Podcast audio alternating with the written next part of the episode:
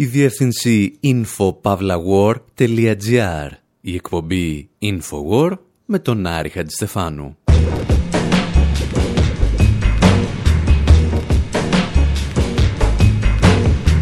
Όπου σήμερα αναρωτιόμαστε τι είδους άνθρωπος πρέπει να είσαι για να κάνεις μπάρμπεκιου έξω από στρατιωτικές φυλακές όπου παιδιά πραγματοποιούν απέργεια πείνας. Αναρωτιόμαστε πόσο φτηνό μπορεί να είναι το roaming στο κινητό σου τηλέφωνο για να δεχθείς να κάνεις την πάπια όταν άνθρωποι πεθαίνουν δίπλα σου για να κερδίσουν μερικές σταγόνες αξιοπρέπειας. Δίνουμε μάχη για να μην πέσουμε σε ρατσιστικού τύπου γενικεύσεις και συνειδητοποιούμε ότι μερικές φορές για κάποιες κοινωνίες είναι λίγο δύσκολο να τα καταφέρεις. Διηγούμαστε την ιστορία της απεργίας πείνας από την αρχαιότητα μέχρι τις ημέρες μας. Συζητάμε εν ολίγης για την μαζικότερη απεργία πείνας που έχει πραγματοποιηθεί τις τελευταίες δεκαετίες στα κατεχόμενα παλαιστινιακά εδάφη και ολόκληρο τον κόσμο.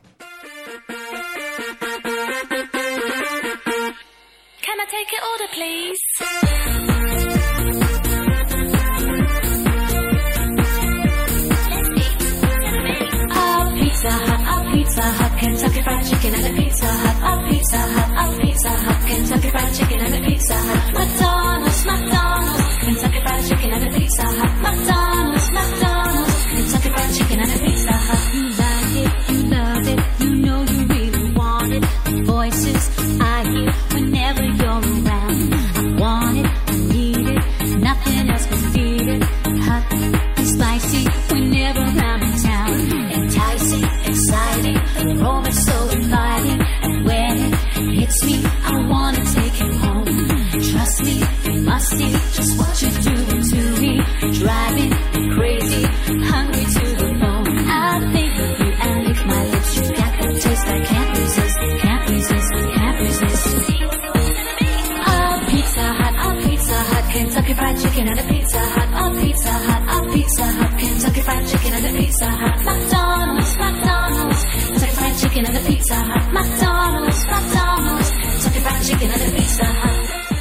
Εκνευριστικό αυτό τραγουδάκι, το οποίο αντέξατε να ακούτε για ένα λεπτό και 21 δευτερόλεπτα, θεωρείται ο ύμνος του junk food και λέγεται Pizza Hut Song.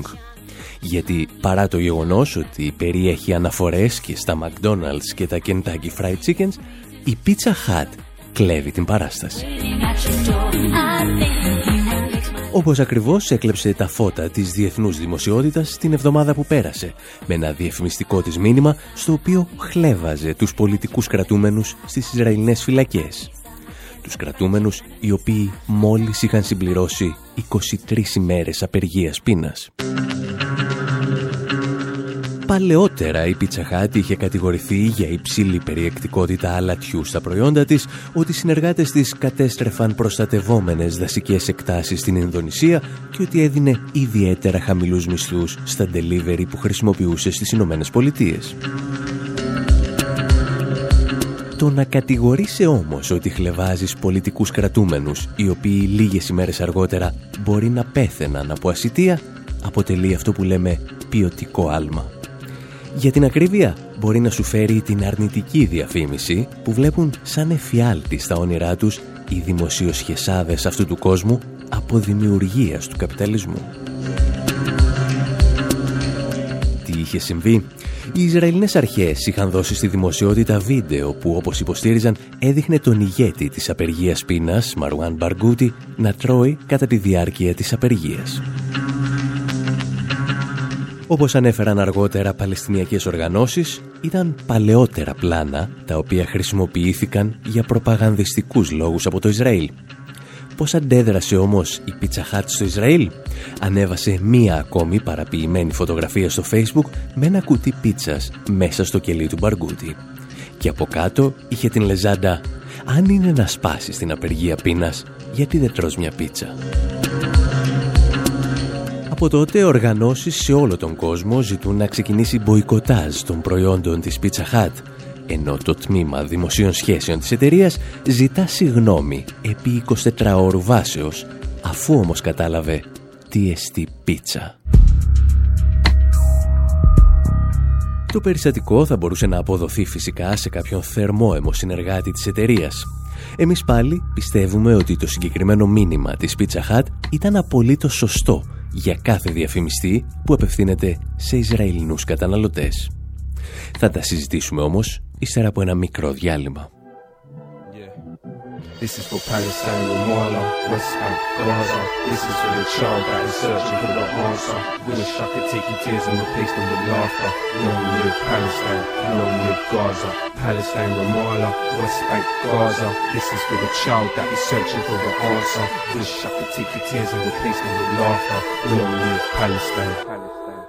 While we listen to tunes made by ignorant fools Israel block the UN from delivering food. They bring in the troops and you won't even glimpse at the news. They make money off the products that we're quick to consume and it's not simply a question of different views. Forget emotions, this is facts. What I spit is the truth.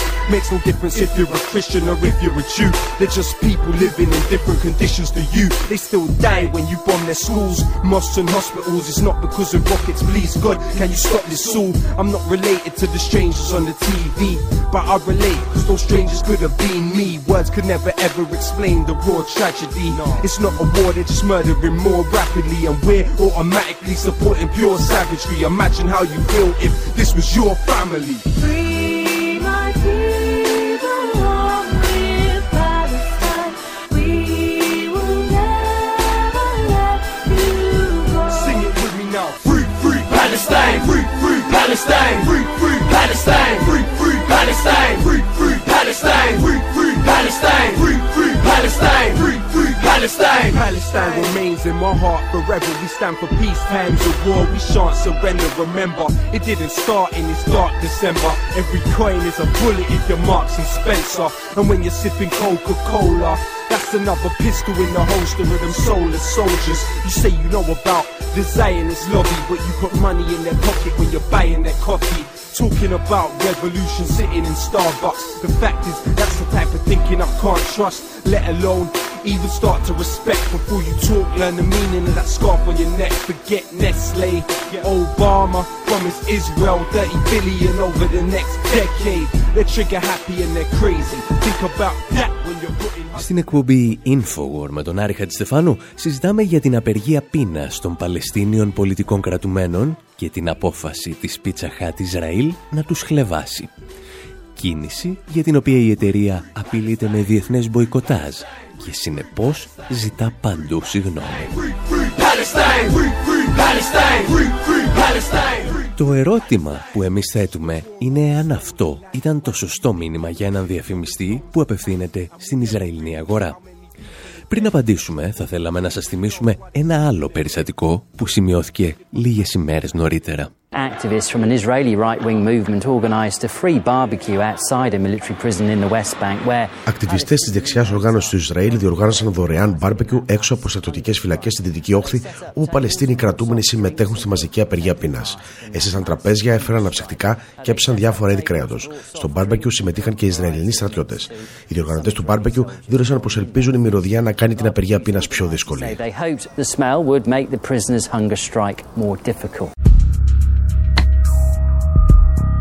Ένας από τους συμμετέχοντες στο barbecue θέλησε να εξηγήσει στην κάμερα τι ακριβώς είχε στο μυαλό του οργανώνοντας αυτή τη σεμνή τελετή έξω από τις στρατιωτικές φυλακές στη Δυτική Όχθη.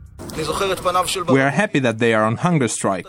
Let them be on it as long as they want. Είμαστε ευτυχισμένοι που βρίσκονται σε απεργία πείνας. Μπορούν να κάνουν όσα απεργίες θέλουν, όποτε θέλουν. Δεν πρόκειται σε καμία περίπτωση να βελτιώσουμε τις συνθήκες κράτησης. Πρόθεσή μας είναι να τις κάνουμε χειρότερες. We have no intention of improving their conditions, but it is our intention to make them worse. Και αυτή η πρωτοβουλία βέβαια θα μπορούσε να αποδοθεί σε μια μικρή ομάδα εξτρεμιστών το πρόβλημα είναι ότι στην ομάδα συμμετείχαν και μέλη των ενόπλων δυνάμεων του Ισραήλ. Και το δεύτερο και σημαντικότερο πρόβλημα είναι ότι αυτές οι μικρές ομάδες είναι ελαφρώς κυρίαρχες στο Ισραήλ.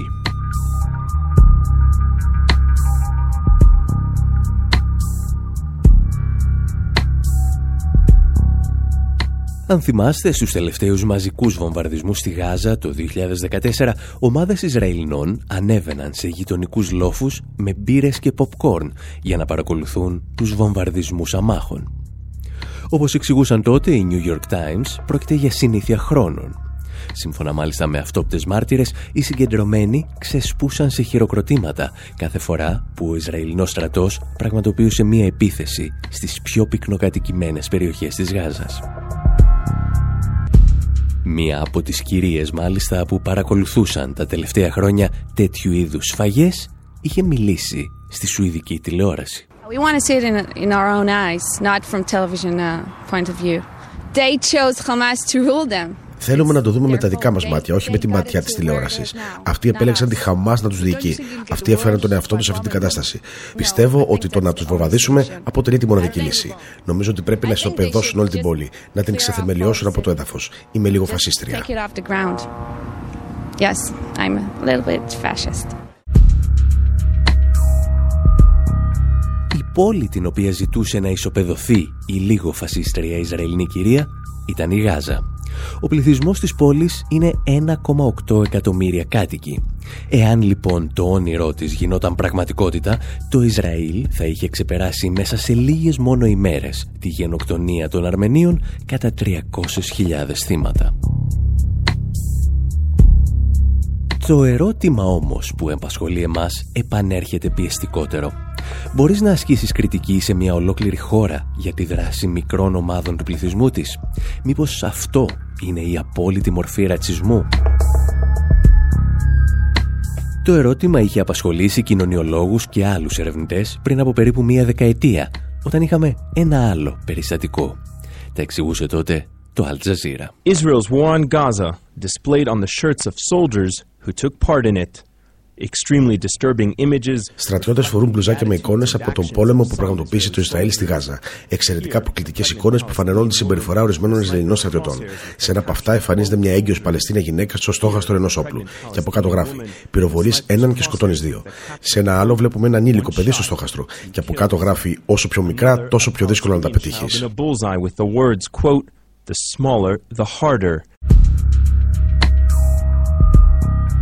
Η Όρνα Σάσον Λεβί, καθηγήτρια κοινωνιολογίας στο Ισραηλινό Πανεπιστήμιο του Μπάριλαν, εξηγούσε εκείνη την περίοδο τι ακριβώς σημαίνει η κυκλοφορία των συγκεκριμένων t-shirt για την Ισραηλινή κοινωνία. Because the t-shirts are the example of culture, right? They're symbolic. They're not using really force. Τα μπλουζάκια είναι χαρακτηριστικά του πολιτισμού των Ισραηλινών. Φυσικά το μήνυμά τους είναι συμβολικό, δεν φέρνει το ίδιο τη βία. Όσοι το φοράνε όμως είναι σαν να λένε αυτός είναι ο πολιτισμός μας. Είμαστε περήφανοι γι' αυτόν. Είμαστε υπερήφανοι όταν σκοτώνουμε νεογέννητα παιδιά Παλαιστινίων και έγκυες γυναίκες. Palestinian babies, you know, Palestinian pregnant women.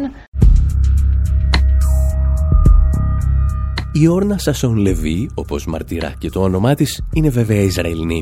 Και όταν λέει ότι τα μπλουζάκια εκφράζουν τον πολιτισμό των Ισραηλινών, το κάνει με την ακαδημαϊκή της ιδιότητα. Αυτό που περιγράφει είναι μια κοινωνία σε προχωρημένο στάδιο σύψης. Σε κάθε κοινωνία προφανώς υπάρχουν μικρές ή πολύ μεγάλες εξαιρέσεις από αυτούς που δίνουν τον τόνο προς τα έξω. Οι γενικεύσεις είναι λοιπόν πάντα επικίνδυνες Εξίσου επικίνδυνο όμως είναι να αγνοείς τάσεις οι οποίες εκφράζουν τη συντριπτική πλειονότητα του πληθυσμού. Τάσεις οι οποίες τελικά εκφράζονται και στις κάλπες. Εμείς θα κάνουμε άλλο ένα μικρό διάλειμμα για να χωνέψουμε την Pizza Hut και τα popcorn με θέα τη βομβαρδιζόμενη Γάζα και επιστρέφουμε. Revolution, free the oppressed, and put the real criminals under arrest. From the north to the south, south east to the west. Put your fist up, time for protest. Free Palestine from the Zionist blitz. No war, it's a massacre, they murdering kids. Superpowers talk shit with their hands in their pockets. While Israel keep dropping prosperous rockets. But genocide, Hamas, they beat the blame cause they fight for the freedom of their people and domain. All we see is terrorism, an excuse for the slain. So I say, motherfuck what your TV proclaim. Over a thousand murder civilians, but all that you hear is that they murder some militants. Obama don't speak, give their guns to billions. We know that your cats don't support the Palestinians. Come on now, everybody make a difference. This ain't a military war, they kill infants. No benevolence, no defense. Free Palestine from what the world commends. Come on now, everybody make a difference. This ain't a military war, they kill infants. No benevolence, no defense. Free Palestine from what the world commenced. Middle East, rise up. We need to rebel. Our own creed is being killed by the infidel. Living life in a cage, the war like a cell. And you question the rage, hate for Israel. Let's take it back to a well known fact. When you encourage Hamas to rise against Arafat, radicalize a group to attack. And now you want to wipe out a group that you back. Why don't you speak about that on the news? And the people can decide which side they want to choose. But the media's control and they mold all your views and they won't accuse the Jews of human rights abuse. In 48, they made a false nation. The plantation began evacuation. For Palestine, we have an obligation to do what we can to end the occupation. Come on now, everybody make a difference. This ain't a military war, they kill infants. No benevolence, no defense. Free Palestine from what the world commends. Come on now, everybody make a difference. This ain't a military war, they kill infants. No benevolence, no defense. Free Palestine from what the world commends. Στην εκπομπή Infowar συζητάμε για την απεργία πείνας των Παλαιστίνιων πολιτικών κρατούμενων. Και φυσικά θα πρέπει να σας πούμε και μερικές κουβέντες και για αυτούς τους κρατούμενους. Γιατί είναι πολλοί και κάποιοι από αυτούς είναι παιδιά. Τα εξηγούσε πρόσφατα το δίκτυο Russia Today. Well, there are uh, currently 6,500 Palestinian prisoners being held in Israeli prisons and 3,000. Αυτή τη στιγμή υπάρχουν 6.500 Παλαιστίνοι κρατούμενοι σε Ισραηλινές φυλακές. 300 από αυτούς είναι ανήλικοι και 458 εκτείνουν ποινές ισόβια κάθερξη. Σύμφωνα με τη Διεθνή Αμνηστία, τουλάχιστον 500 άνθρωποι κρατούνται χωρίς να τους έχει αποδοθεί καμία κατηγορία ή να έχουν περάσει δίκη. Οι Ισραηλινές αρχές αρνούνται τις κατηγορίες ότι κακοποιούν τους κρατούμενους.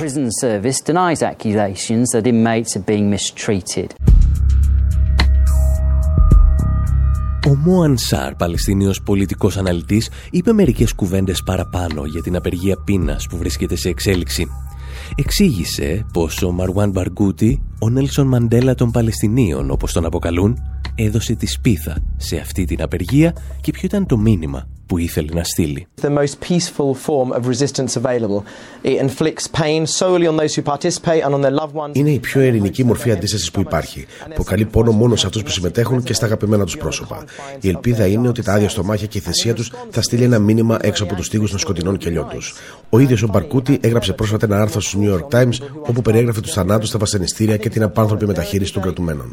Οι οικογένειες δεν έχουν δικαίωμα να δουν τα παιδιά τους και οι δικηγόροι δεν μπορούν να περασπιστούν τους πελάτες τους. Και μην ξεχνάτε ότι ορισμένοι από αυτούς τους πελάτες είναι παιδιά 10, 12 ή 14 ετών. Και ξέρετε γιατί βρίσκονται στη φυλακή. Γιατί πετούσαν πέτρες σε Ισραηλινά τάγκ.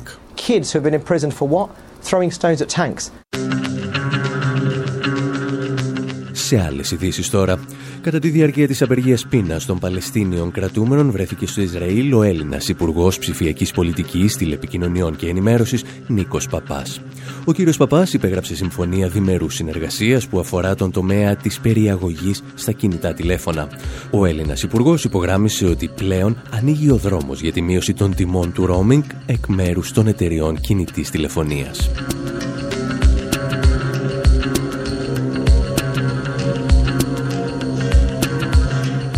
Εσείς πάλι που δεν χρειάζεστε roaming στο Ισραήλ, μένετε εδώ, γιατί ύστερα από το διάλειμμά μας επιστρέφουμε με τραγούδια από την ιστορία των απεργών πείνας.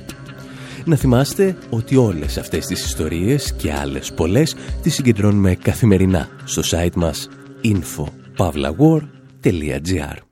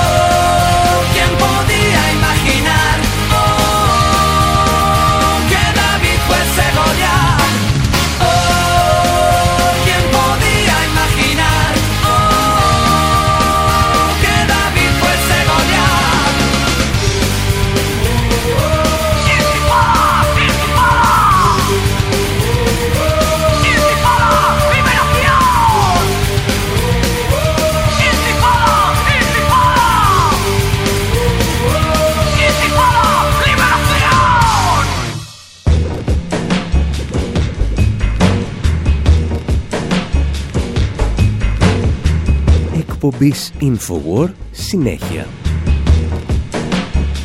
όπου με αφορμή την γιγαντιαία απεργία πείνας Παλαιστίνιων πολιτικών κρατουμένων θυμόμαστε παλιές ιστορίες για κρατούμενους που πολέμησαν με το σώμα τους ένα ολόκληρο σύστημα και πολλές φορές το κατατρόπωσαν. Ζητάμε τη βοήθεια του Αγίου Πατρικίου αλλά και κάτι βραχμάνων που πίστευαν στον Παράτα. Περνάμε από τις σουφραζέτες στα κελιά της Μάργαρετ Θάτσερ, από τα οποία πέρασε και πέθανε ο Μπόμπι Σάντς. Και ύστερα επιστρέφουμε και πάλι στις Ισραηλινές φυλακές μέσω του Γκουαντάναμου.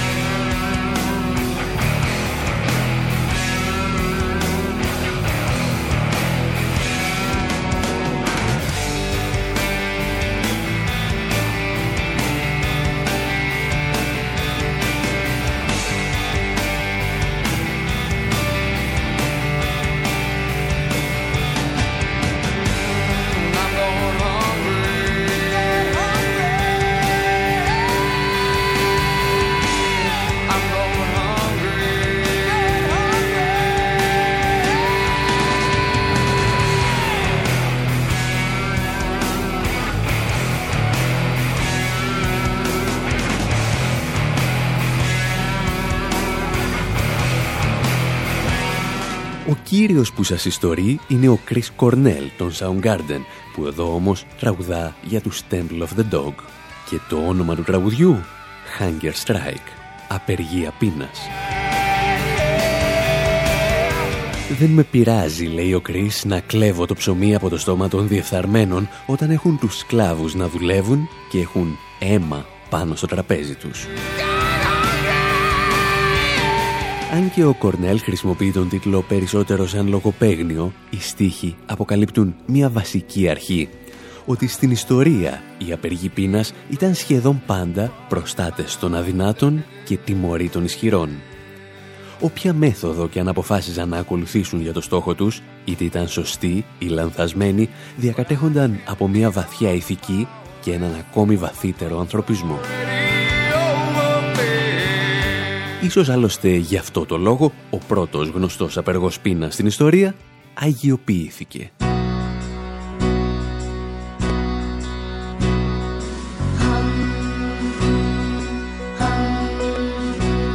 The story of St. Patrick's Day began so long ago.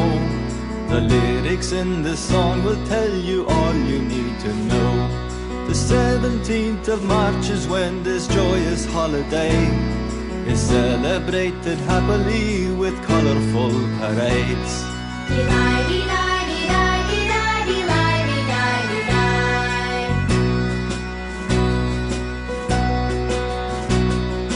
Patrick was only 16 when the pirates captured him. They sold him into slavery and took him to Ireland. He kept the faith and made his escape when he was 22. And made it back to Britain, 'twas the only home he knew. Το παιδικό τραγουδάκι που ακούτε μας έρχεται, όπως ίσως διαπιστώνετε και από την προφορά, από την Ιρλανδία και διηγείται τη ζωή του Αγίου Πατρικίου. Εμάς φυσικά το μόνο που μας ενδιαφέρει από τη ζωή ενός Ιεραπόστολου που έσπροχνε το όπιο του λαού στην αγορά της απόγνωσης είναι ότι έκανε και ορισμένες από τις πρώτες απεργίες πείνας. Η ιδέα δεν ήταν φυσικά δική του, αφού οι πρώτες συμβολικές απεργίες πείνας στην Ευρώπη ξεκίνησαν στην προχριστιανική Ιρλανδία και είχαν μια πολύ συγκεκριμένη μορφή. Κάποιος αδικημένος πήγαινε στην πόρτα του δράστη και έμενε εκεί χωρίς τροφή και νερό. Η ντροπή του να πεθάνεις στην πόρτα σου κάποιος τον οποίο εσύ έχεις αδικήσει ήταν βλέπετε τεράστια εκείνη την εποχή.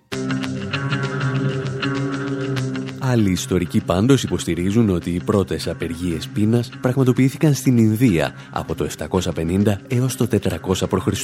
και καταγράφονται στο έπος Ραμαγιάννα. Ήταν μάλιστα συνηθισμένη πρακτική λένε για τους βραχμάνους και σύμφωνα με το μύθο την είχε δοκιμάσει και ο ίδιος ο Μπαράτα, το σύμβολο του ιδεαλισμού. Αυτό που ίσως μας ενδιαφέρει περισσότερο είναι ότι οι δύο αυτές χώρες στις οποίες ξεκίνησαν οι απεργίες πείνας, η Ιρλανδία και η Ινδία, θα μας δώσουν και τους διασημότερους απεργούς πείνας της ιστορίας, τον Μπόμπι Σάντς και τον Μαχάτμα Γκάντι. Μέχρι τότε όμως έχουμε αρκετό ακόμη δρόμο, γιατί μόλις φτάνουμε στις αρχές του 20ου αιώνα.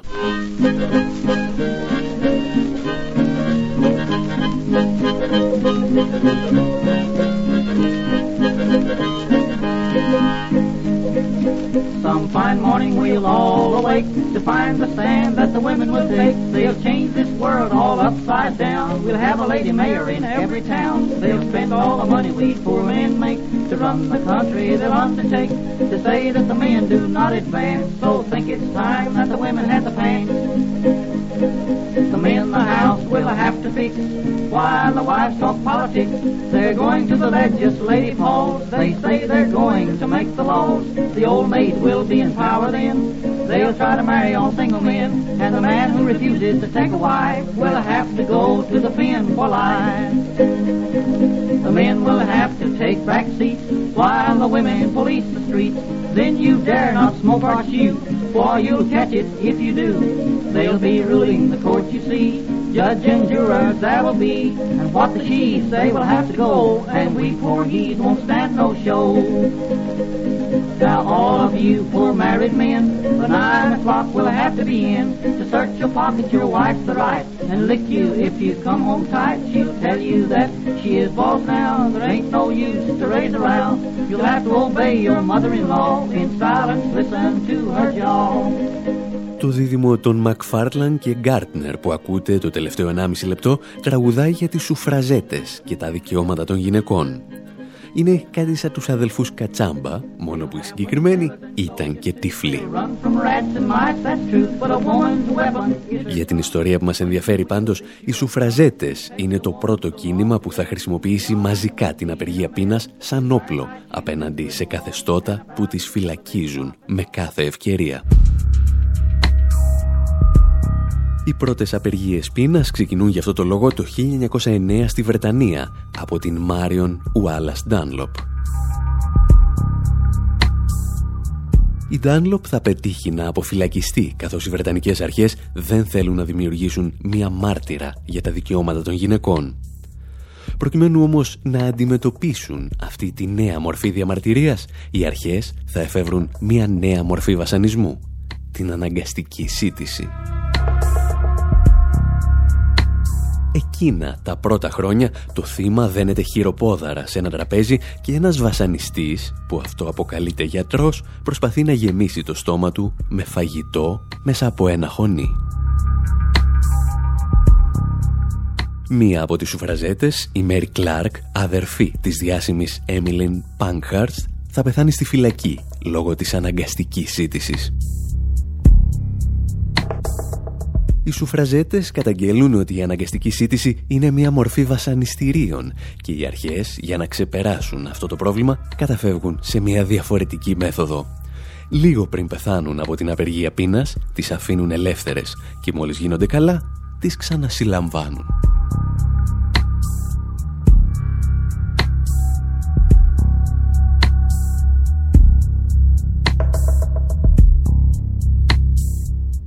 Σχεδόν έναν αιώνα αργότερα, το βασανιστήριο που λέγεται αναγκαστική σύντηση θα απασχολήσει και πάλι την ανθρωπότητα. Και αυτή τη φορά οι βασανιστές είναι Αμερικανοί, Ισραηλινοί και ενδυνάμοι Έλληνες. Για αυτή την ιστορία όμως θα χρειαστούμε τη βοήθεια ενός Αμερικανού ράπερ, του Mos Def. Τον ακούμε και επιστρέφουμε. You're living at a time of extremism, a time of revolution. A time when there's got to be a change. People in power have misused it, and now there has to be a change, and a better world has to be built, and the only way it's going to be built is with extreme methods. And I, for one, will join in with anyone, don't care what color you are, as long as you want to change this miserable condition that exists on this earth. Thank you. Wow. Y'all, babe.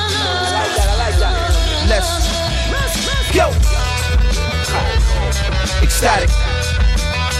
Ecstatic, ecstatic. Classic flow. Super magic, black origin, fresh me out of dopeness. Me out of dopeness. Sketch another opus. Lock off your set, Brooklyn. We keep them open. The heavens expand, the stars advance. Feel a boogeyman. Hold your hand, healing power like bang. Snap, I rebuke ye snitches. We know the truth, you can't confuse me, bitches. Great name, greater than all your riches. Y'all Dante, Flacco Bay, that's the business. Repeat, I rebuke these snitches. We know the truth, you can't confuse me, bitches. Strong magic that bust all you with this Cherokee chief. Rock a bunch of rocket, no stopping, let's get it. Yeah.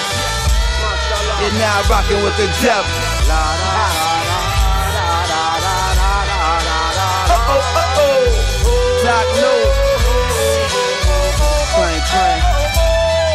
Like heartbeat.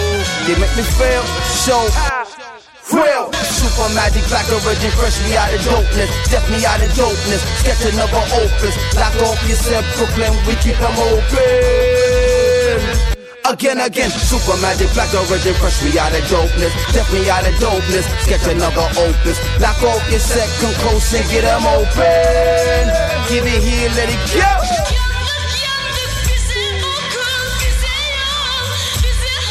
Ecstasy.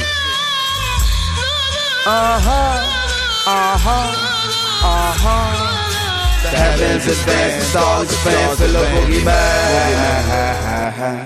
Ο κύριος που ακούτε λέγεται Γιασίν Μπεϊ, αλλά οι περισσότεροι τον ξέρουν ως Mos Def. Στην Ευρώπη δε, οι περισσότεροι τον έχουν γνωρίσει σαν ηθοποιό στις ταινίες The Hitchhiker's Guide to the Galaxy και The Italian Job, αλλά και σε σύριαλ όπως το Dexter. Εμάς πάλι μας ενδιαφέρει η ιδιότητα του ακτιβιστή αλλά και του πολέμιου κάθε αστυνομικής βαναυσότητας. Magnetic, the flows are athletic. Dimensions are effective, whether static or kinetic is power. Fast pressure and mass beyond measure. You can place on wherever he. Magnetic, the flows are athletic. Dimensions are effective, whether static or kinetic is power. Fast pressure and mass beyond measure. You can place on wherever he best stop. Το καλοκαίρι του 2013 ο Mos Def θα πραγματοποιήσει ένα φρικιαστικό πείραμα στον εαυτό του. Είναι η εποχή που οι κρατούμενοι στον Γκουαντάναμο πραγματοποιούν απεργία πείνας και οι δεσμοφύλακές τους τους χορηγούν φαγητό δια της βίας από τη μύτη. Προκειμένου να δείξει στην ανθρωπότητα τι συμβαίνει στο Αμερικανικό κολαστήριο, ο Μοσντεφ δέχεται να τον κινηματογραφήσουν σε αναγκαστική σύντηση. My name is Yasin Bey. And I'm here today to demonstrate the standard operation. Ονομάζομαι Γιασίν Μπέι και σήμερα θα σας παρουσιάσω την τυπική διαδικασία για την αναγκαστική σύντηση κρατουμένων στο Κουαντάναμο. Καλή σας ημέρα. Good morning. Όπως συνέβαινε και με τις σουφραζέτες, το θύμα δένεται χειροπόδαρα.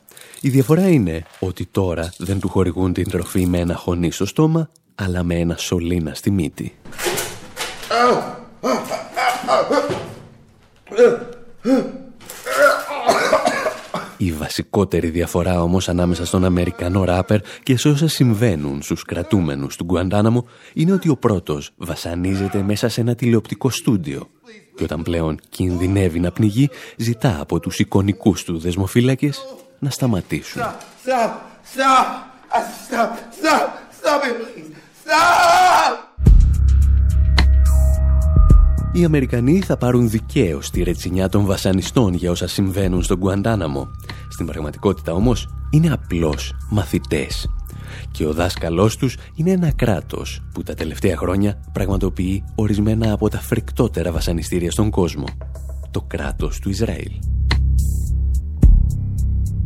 Προκειμένου να τελειοποιήσουν μάλιστα τη βίαιη χορήγηση τροφής σε απεργούς πείνας, Αμερικανοί αξιωματούχοι του Πενταγώνου προσκαλούν το 2013 Ισραηλινούς γιατρούς που χρησιμοποιούν εδώ και δεκαετίες παρόμοιες τεχνικές. Όπως αποκάλυψε τότε η Ισραηλινή εφημερίδα Haaretz, το βασικό πρόβλημα των Αμερικανών βασανιστών δεν ήταν φυσικά πώς να ταΐσουν δια της βίας τα θύματα τους, αλλά πώς να περιορίσουν το επικοινωνιακό κόστος και την αρνητική δημοσιότητα. Και επειδή οι Ισραηλινοί ήταν οι πρώτοι διδάξαντες στο βασανισμό Παλαιστινίων πολιτικών κρατουμένων με αναγκαστική σύντηση, σκέφτηκαν να πατεντάρουν την ιδέα τους και με ένα νόμο. Τα εξηγούσε το καλοκαίρι του 2014 το Press TV. Benjamin Netanyahu has instructed his cabinet to speed up the discussions ο Βενιαμίν Τετανιάχου διέταξε το Υπουργικό Συμβούλιο να επιταχύνει τις συνομιλίες για το νομοσχέδιο που ψηφίστηκε στην πρώτη ανάγνωσή του στο Ισραηλινό Κοινοβούλιο. Το νομοσχέδιο θα περάσει τώρα δεύτερη και τρίτη ανάγνωση στην Κνεσέτ. Τουλάχιστον 120 Παλαιστίνοι πραγματοποιούν απεργία πείνας εδώ και 40 ημέρες, καθώς κρατούνται χωρίς να τους έχουν απαγγελθεί κατηγορίες. Δεκάδες οδηγήθηκαν σε νοσοκομεία. Το Γραφείο Ανθρωπίνων Δικαιωμάτων του ΟΗΕ έχει ήδη καταδικάσει την αναγκαστική σύνδεση κατουμένων στο Κουαντάναμο σαν βασανιστήριο και παραβίαση του διεθνούς δικαίου.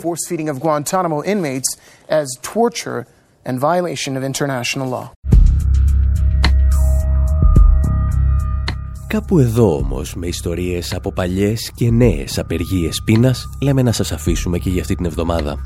Από τον Άρη Χατζηστεφάνου στο μικρόφωνο και τον Δημήτρη Σταθόπουλο στην τεχνική επιμέλεια, γεια σας και χαρά σας. bank robber, never hurt nobody. He just loved to live that way, and he loved to steal your money. That's right, steal your money. Will you hang on too tight?